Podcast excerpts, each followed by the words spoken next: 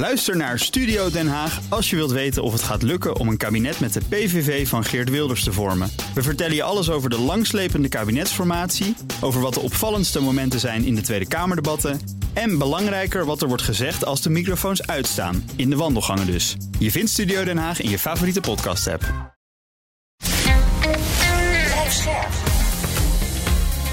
BNR Nieuwsradio. Boekenstein en de Wijk. Hugo Reitsma. Welkom bij Boekenstein en de Wijk. Het is vrijdag, dag 436 van de oorlog in Oekraïne. Rob, mag ik jou het woord geven?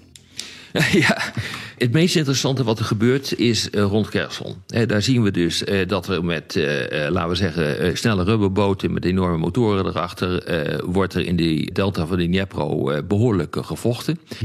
We zien nu ook dat de Russen bezig zijn met het continu bestoken van, van Kherson zelf, dus over de rivier heen. Ja. Dat heeft er weer toe geleid dat er vandaag volgens mij een uitgaansverbod uh, wordt afgekondigd in de stad van 58 uur. Dus het hele weekend mogen de mensen niet buiten uh, komen. Je ziet dat vermoedelijk partizanen, Oekraïense partizanen... aan de andere kant van de rivier, dus zeg maar aan de oostelijke oever... Mm -hmm pamfletten hebben uh, uh, verspreid. Uh, waarin wordt gezegd: mensen blijven binnen, want er komt gewoon een offensief aan van ons. Dat is volgens mij helemaal niet zo. Maar je ziet dat die beschietingen over die uh, over die rivieren gewoon uh, continu doorgaan. Echt met, uh, met artillerie, met raketten. Het gaat echt gewoon voortdurend door. Het is echt een onleefbare situatie. Ja, ik heb me het hoofd zitten breken van wat gebeurt er nou eigenlijk? Want Oekraïne is niet in staat om een grootschalig offensief over die rivier uit te, te voeren. Hm. Uh, het is totaal anders qua tactiek uh, dan in de rest van het uh, front, waar die partijen ingegraven tegenover elkaar staan. En die rivier is natuurlijk wel een hele goede.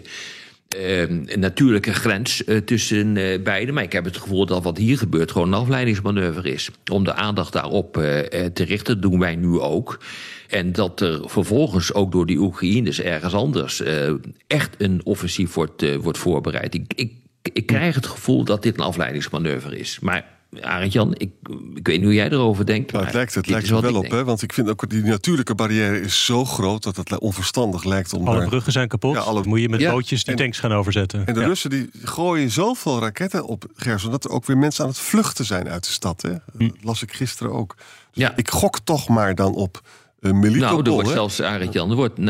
Ja, er wordt nagedacht op, uh, over de hele ontruiming van, uh, van ja. de start. Het is overigens natuurlijk wel, als je naar de kaart kijkt... van Gerson de kleinste afstand naar de Krim. Maar ja, ja, ja. als je kijkt hoe die, die Krim uh, omgeven is nu door fortificaties... ja, hoe moet je dat dan gaan doen? Dat lijkt mij helemaal onmogelijk ook logistiek over die rivier heen... om lijkt dat voor ook. elkaar te krijgen. Lijkt me ook. Vreemd. Overigens, je... even verderop in Odessa is de burgemeester opgepakt. Hè? Ja. Vanwege corruptie.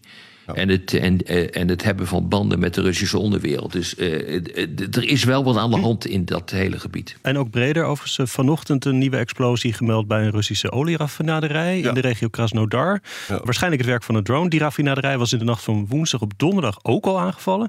En ook in Stavropol, dat is ook in het zuiden van Rusland, een olieopslag uh, die in lichterlaaien staat. Je ziet heel duidelijk, Oekraïne zit dus de Russische infrastructuur aan te pakken. En er is nu ook een rapport verschenen dat al die trein wagons die uit de rails gaan vanwege een aanval, dat dat toch wel vervelend is voor de Russische aanvoerlijnen. Ja. Dat doe je voordat ja, je. Duidelijk sabotage. En, ja. en, en je, je zou dus een, een conclusie hier kunnen trekken, voorzichtig met slagen om de arm, dat dit dus wel ook een inleiding is voor een wat groter offensief door Oekraïne. Want dit zijn duidelijke aanvallen op de logistiek van, uh, van Rusland. Dus daarmee kun je voorkomen Kijk, het is allemaal wel makkelijk te repareren hoor. Uh, ook die, uh, die treinen die uh, ontsporen. Dat is nou niet het allergrootste probleem. Daar hebben die Russen ook speciale eenheden voor om dat voor elkaar te krijgen. Maar ja, goed, als je maar vaak genoeg doet, is het toch wel lastig. Want dat betekent namelijk gewoon dat je het achterland van Oekraïne, de aanvoer van versterking, munitie, et cetera, gaat verstoren. Overigens vond ik wel interessant in verband met dat lang verwachte Oekraïnse tegenoffensief. Ik zag wat beelden uit de buurt van Bachmoed van gisteren, geloof ik. Uh, dat te zien hoe modderig het daar nog is. Het is nog steeds meters blubber. Dus op dit moment is het waarschijnlijk nog wat, wat vroeg. En over twee weken zeggen ze dat het wat harder zal zijn, de oh, rapporten. Ja. Nou, dat is maar goed ook, want ze hebben toch nog wat tijd nodig om die, om die brigades op te werken. Hè? Ja.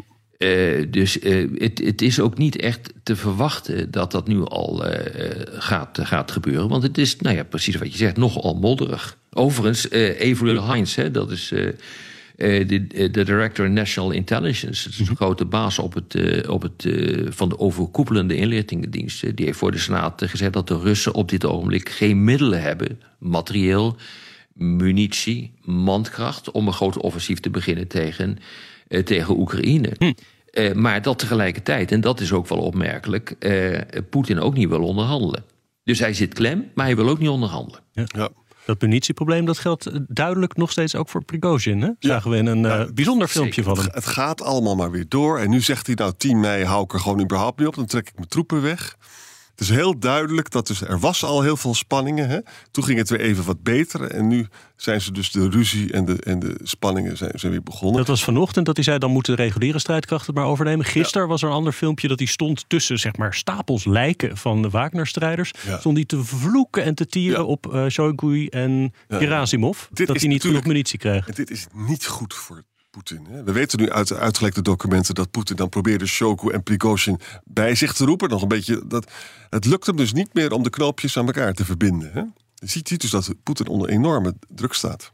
Ja, is het een goed moment om dat te koppelen aan wat er in het Kremlin gebeurt en wat er boven het Kremlin is gebeurd? Ja. ja want uh, ik, ja, ik, uh, dat heeft natuurlijk alles met Poetin te maken. Kijk, uh, toen die droneaanval gebeurde op het Kremlin, toen hebben nogal wat waarnemers zich verbaasd over de snelheid en de consistentie van de boodschap die. Ja. Rusland onmiddellijk uitdroeg van dit heeft Oekraïne gedaan. En Peskov, de regeringswoordvoerder, die zei van ja, nee, Amerika die zit erachter en dit is een aanval op op uh, Poetin. Ik moet je eerlijk zeggen, ja, het is consistent, maar het is eigenlijk al maandenlang consistent dat de NAVO, de Amerikanen, Oekraïne ergens uh, achter zitten. Dus je, hmm. je kan zo'n persbericht, had je bij wijze van spreken al kunnen schrijven. Alleen dan moet je even de locatie moet je later invullen. Dus daar ben ik niet zo van onder de indruk. Hm. Wat is hier nou aan de hand? dus uh, er wordt gezegd van ja, nee, dit is een false flag operatie, want daarmee uh, kun je de steun van de eigen bevolking uh, krijgen om te laten zien van oh, wij zijn ook kwetsbaar. Ja. Ehm, je kunt ook steun krijgen voor een nog grotere operatie in Oekraïne. Is misschien allemaal wel zo. Maar ik vind het toch wel heel erg merkwaardig dat dit gebeurt, waardoor je ook duidelijk maakt dat het Kremlin gewoon kwetsbaar is. Exact. En dat je dus door die uh, luchtverdedigingssystemen komt die rond het Kremlin aanwezig uh, zijn. Uh, ik vind eerlijk gezegd dat als dit gebeurt, daar gaat gewoon een heel verkeerd signaal uit naar de, uh, naar de eigen bevolking. Hm. Want hiermee maak je namelijk duidelijk dat, je, dat je eigenlijk getroffen kunt worden in het hart van eh, de diplomatieke en politieke besluitvorming. Mm. Exact. Of zie ik het nou verkeerd? Nee, maar helemaal met je eens. En dan, dan kom je dus weer uit dat het misschien partisanen zijn, of misschien Oekraïners, of samen. Hè? En, maar het is natuurlijk vrij lullig allemaal, want het waren geen geweldige drones. En, en de payload was ook heel, erg laag.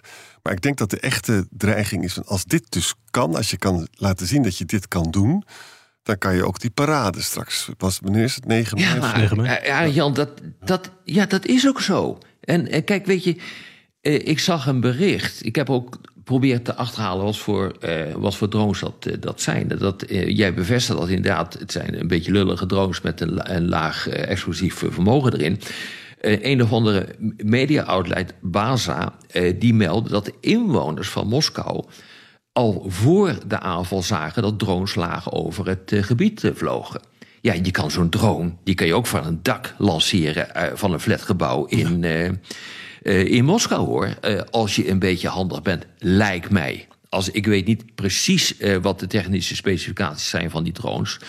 Maar het moet gewoon echt mogelijk zijn. Net zoals die, kan je dat nog herinneren, die aanval op Drugin. die adviseur, die extreem rechtse uh, kerel... Ja, waarbij zijn dochter werd opgeblazen. In een auto. Ja, uh, dat is ook gebeurd. We weten ook nog steeds niet precies hoe dat uh, gebeurd is. Maar dit is natuurlijk gewoon eigenlijk hetzelfde. He, dus dit kan je ook gewoon lanceren vanuit Moskou. Je hoeft helemaal niet dat te doen vanuit de Oekraïne... zoals mensen onmiddellijk zeiden. Van, het kan nooit Oekraïne zijn, want nee, natuurlijk niet. Dit kan je ook gewoon regelen in Oekraïne zelf, net zoals die aanval op, uh, op die aanslag op Dugin. Ja, dus jullie vinden het misschien minder waarschijnlijk dat het een false flag is, dat het de Russen het zelf hebben gedaan. Maar belangrijker dan wie het heeft gedaan, is misschien hoe Rusland erop gaat reageren. Maar in ieder geval, ja, je ziet nou dat, dat, dat, moeten we even. Ja, ze hebben dus de ja, wat, wat, ze nou doen is dat Peskov die gaat dan proberen direct in de Amerikaanse schoenen te schuiven. Is ook weer zo'n Russische reflex. De Amerikanen hm. hebben het gedaan, wat het meest ongeloofwaardig is. Nou, wat natuurlijk eng aan is, dit, dit soort dingen gebeuren soms. Als het een volksvlek zou zijn, hè, er is nog steeds een kleine kans dat dat zo is. Dan kan je dat gebruiken als rechtvaardiging voor een hele enge daad. Ik las ook in de New York Times dat in Kiev mensen ontzettend bang waren nu voor een nucleaire aanval. Hm. Weet je, mensen, er komt, er komt gossip. Komt ja, dat denk ik is ook niet helemaal terecht. Je zou het hiermee kunnen, uh, kunnen rechtvaardigen, maar realiseer je dat uh, de afgelopen dagen continu uh, nieuwe raketaanvallen zijn geweest, maar vooral met drones, met die Shala-drones uit Iran.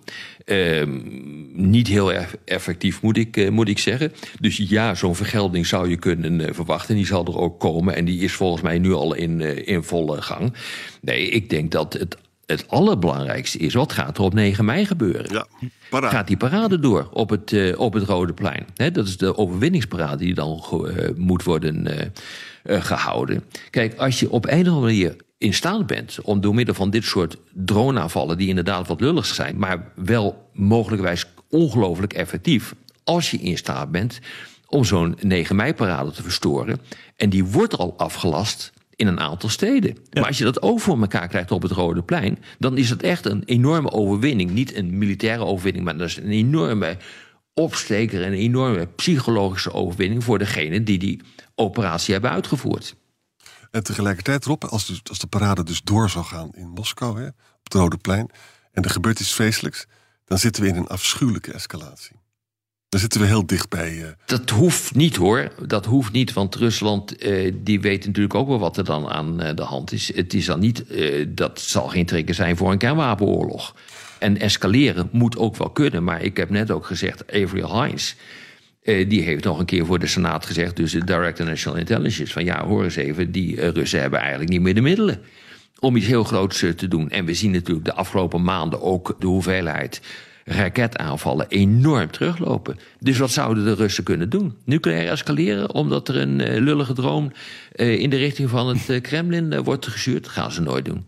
Nee, maar ik bedoel iets ergers, hè, van dat er dus echt mensen omkomen. Iets nog spectaculairders. Je kan natuurlijk regeringsgebouwen in Kiev oh, ja, ja, bombarderen. Dat, dat, hebben ze tot nu toe nog niet gedaan. Ja, je kunt allemaal escalatiedingen bedenken. Ik ja, maar dat zou je niet echt lukken. Dat zou je niet echt lukken. Want dat hebben ze natuurlijk wel geprobeerd in een aantal gevallen. Maar die luchtverdediging rond Kiev, eh, ja, die is natuurlijk redelijk geconcentreerd rond een aantal steden, waaronder Kiev. Dus ik denk dat die kans, ja, je zal het proberen. Maar die kans is niet zo, groot. dat dat lukt. Hm. Hm. Hey, we moeten denk ik nog wel even iets zeggen over ja. uh, Zelensky's bezoek aan Nederland gisteren op 4 mei. Ja. ja. Twee dingen vielen mij op. Ik vond het jammer dat ik er niet bij kon zijn. Ja. Twee dingen vielen mij Ik viel mij dus op Eigenlijk dat Nederland, Nederland speelt dus die F-16-kaart. Wij, zijn, wij, presenteren onszelf als de grote vriend van Zelensky. En we zullen dus bij de Amerikanen pleidooi houden... en bij de anderen om dat te doen. Dat betekent dus nog niet dat dat allemaal gaat lukken... terwijl het wel zo wordt gepresenteerd, want het is een hm. Amerikaans systeem. En het tweede over de Kro, eh, de, de Belgen... die zei dus, nou, we hebben dus hm. nogal wat geld van die Russische oligarchen... Die willen we graag aan de Oekraïners geven voor de wederopbouw. Maar dan moet er natuurlijk wel de juiste juridische basis worden gevonden. Zijn die er ook keurig bij? Hm. Terwijl wij zelf hebben er ook veel over gesproken. Dat is precies de reden geweest waarom de Amerikanen het niet hebben gedaan. Hè? Omdat er, er is geen hm. goede juridische basis. En wat doen ze dan? We gaan bij de Europese Commissie onderzoeken of we misschien toch een juridische basis kunnen vinden. Gaat allemaal weer terug naar het idee van de rechtsstaat. Hè? Je kan niet zomaar geld hm, hm. naasten, hè? wat niet van jou is. Mm dus ik vond dat ook een beetje. Ja. Het is nog niet helemaal duidelijk wat het voorstelt. Nee, nou, ik vond eigenlijk de discussie over het tribunaal vond ik het meest interessant. Ja. wat, uh, wat moet er nou gebeuren? En ook uh, de referentie aan de Nuremberg-tribunalen. En ook de opmerking die Zelensky maakte. En dat, dat is echt wel een punt hoor. Op een gegeven moment heeft hij gezegd: uh, alle oorlogen hebben één ding gemeen. En dat is dat de daders niet geloofden dat ze voor hun daden zouden zich hoeven te verantwoorden. Hmm. Dat, is, denk ik, dat zijn wijze woorden. Ik heb dat gevoel continu ook met, uh, met Poetin. Die heeft niet in de gaten dat hij dit misschien ook wel eens een keer zou kunnen gaan verliezen. En dat zie je dus wel ook met, dat is een repeterend iets met al die oorlogsmisdadigers uit Afrika. Eh, die ook denken van, nou, ik sta boven de red, mij pakken ze niet. En ondertussen komen ze uiteindelijk wel uh, terecht in een, uh, in een gevangenis. in, in Scheveningen of waar dan ook. dus ik, dat zijn wel wijze woorden. Het probleem is alleen, dat moet je er altijd bij zeggen, van de timing is hier zo cruciaal. Hè? Als we in een situatie komen waarbij we echt moeten praten, dan is een tribunaal niet erg handig. Hè? En het is ook zo de afschrikwekkende werking van een tribunaal. Dat is er natuurlijk wel als alles werkt, hè, zoals bij, op de Balkan, maar heel vaak was het natuurlijk ook niet. Hè? Hm. In Afrika heeft het niet gewerkt. Is, dat is waar, dat is waar, dat is waar. Je zult eh, met Poetin eerst moeten gaan praten voordat hem kan veroordelen. Ja. Maar ja, dat hangt echt helemaal vanaf hoe deze oorlog gaat uh, aflopen. En dat, uh, dat weten we op dit ogenblik uh, niet. Overigens, ja, hoe die oorlog gaat aflopen hangt ook van de Europese Unie af. Hè. we hebben ook een hele discussie nu over de munitie. Die moet worden geproduceerd in, in Europa. En je, je ziet dus dat dat tot allerlei gekakeel weer aan het leiden is. Het zou me niet verbazen als er met Zelensky ook was, is overgesproken. Zeker met, met de kroon bij. Er zijn nu, is nu 3 miljard ja. Eh, beschikbaar gesteld uh, om uh, nu munitie te leveren uit de eigen voorraden. om tot en met het, het oppeppen van je eigen oorlogsindustrie. Mm En het is alleen al heel lastig voor de Europese Unie. Ik neem, ik neem aan dat Zelensky dat, dat ook is verteld. Om bijvoorbeeld dat geld vrij te spelen uit de Europese begroting. Dat moet binnen een aparte begroting staan, die buiten de formele Europese begroting staat. En dat komt uit die, uh, dat, uh, dat uh, European Peace Facility. Ja. Er zit tot 2027 bijna 8 miljard euro in. Echt een astronomisch bedrag. En je ziet dus dat dit soort zaken hier vanuit kan worden betaald. Maar ja, of de Europese defensieindustrie dit daadwerkelijk kan doen, dat is nog maar zeer de vraag hoor. Hm. Het geld is er wel, maar de productiecapaciteit is het probleem. Ja, ja en dat, dat is ook een domper voor Zelensky. Ja. Want die wil natuurlijk gewoon dat er zoveel mogelijk uh, munitie en wapens naartoe komen. Maar als het niet geproduceerd uh, kan worden, die, moet dus, die, die defensieindustrie moet een enorme schop krijgen om dat voor elkaar te krijgen. Ja, daar, daar moet gewoon over gesproken zijn. Dat kan niet anders, naast dat tribunaal. Hey, misschien tot slot nog even. We proberen in deze updates ook af en toe wat verder uh, de wereld in te kijken. En uh, Rob, jij zei er gebeurt iets interessants bij de Shanghai Corporation Organization. Ja, die komt bijeen in India. Dat is echt interessant. Qing Gang, eh, de nieuwe eh, minister van Buitenlandse Zaken van China. Die zei van, eh, nou, we moeten toch proberen die Oekraïne-crisis politiek op te lossen.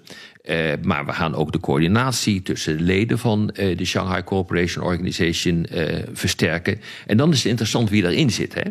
Ja. dus het vindt plaats in India. Dus India is lid, Rusland, China, Pakistan en dan natuurlijk de vier Centraal-Aziatische landen, mhm. zoals Kazachstan en Kyrgyzstan Oezbekistan. En het is een eh, defensiesamenwerking, Het zijn dus formaal... Ja, het is een soort, ja, een soort veiligheidsdefensiesamenwerking. Het is niet een soort NAVO, maar het is uh, eigenlijk uh, in het leven geroepen om uh, samen te kunnen optreden tegen internationaal terrorisme. Maar het wordt nu, nu steeds meer gezien als een coördinatiemechanisme ook voor veiligheid. Maar het interessante is natuurlijk dat India hierin zit. Ja. dus dat, dat Rusland, China en Pakistan hierin zitten, ja, nee, oké, tot je dienst. Dat begrijp ik allemaal wel. Die vier Aziatische landen die ik net noemde, ja, die, die dreigen steeds meer zich te gaan afkeren uh, van hun oude moederland uh, genaamd uh, Rusland. Hè. Dit waren vroeger onderdelen van de Sovjet-Unie en die zien nu wat er in Oekraïne gebeurt. En die denken, ja, maar dat willen wij niet. Mm -hmm. Maar India is natuurlijk interessant. De vraag is natuurlijk hoe betrouwbaar in de ogen van die andere landen India is als partner in die Shanghai Cooperation Organisatie. Want India zit tegelijkertijd ook in de Quad, mm. Een samenwerkingsorganisatie met de Amerikanen. En dat is natuurlijk toch wel heel bijzonder wat hier gebeurt. Dus eh, ik denk dat die, en dat is eigenlijk ook het, eh, de, conclusie die ik uittrek, dat die Shanghai Cooperation Organisatie, eh, dat dat natuurlijk eh, heel erg interessant allemaal klinkt, maar dat het eigenlijk wel eens een keer veel minder interessant kan zijn dan dat het klinkt. Omdat India daarin zit. En India is in die zin gewoon een onbetrouwbare partner. Die gaat echt niet uh, coördineren tegen de Amerikaanse belangen in. Uh, Lavrov heeft bij die uh, Shanghai Corporation Organization net gezegd van... wij zullen niet reageren met speculatie over de vraag... of dit al niet een casus belli is. Het gaat over de drones, weet je wel. Hm. Maar we zullen wel hm. reageren met concrete acties. Nou ja, wat dat betekent. Ja, exact. Ja. ja. Ik denk dat we er zijn, jongens. Uh, ik denk het ook. Ja, Dan nou. kunnen we weer tot morgen gaan zeggen, toch? Ja. ja. Uh, dank weer, jongens. Dank weer. Tot, tot morgen. morgen. Tot morgen. Graag gedaan. Tot morgen. Ook Diana Matroos vind je in de BNR-app. Ja, inderdaad. Je kunt live naar mij luisteren tijdens de Big Five. Ook handig in de BNR-app. Breaking nieuwsmeldingen, maar ook het allerlaatste zakelijke nieuws. En je vindt in de app alle BNR-podcasts, waaronder Wetenschap Vandaag. Download nu de gratis BNR-app en blijf scherp.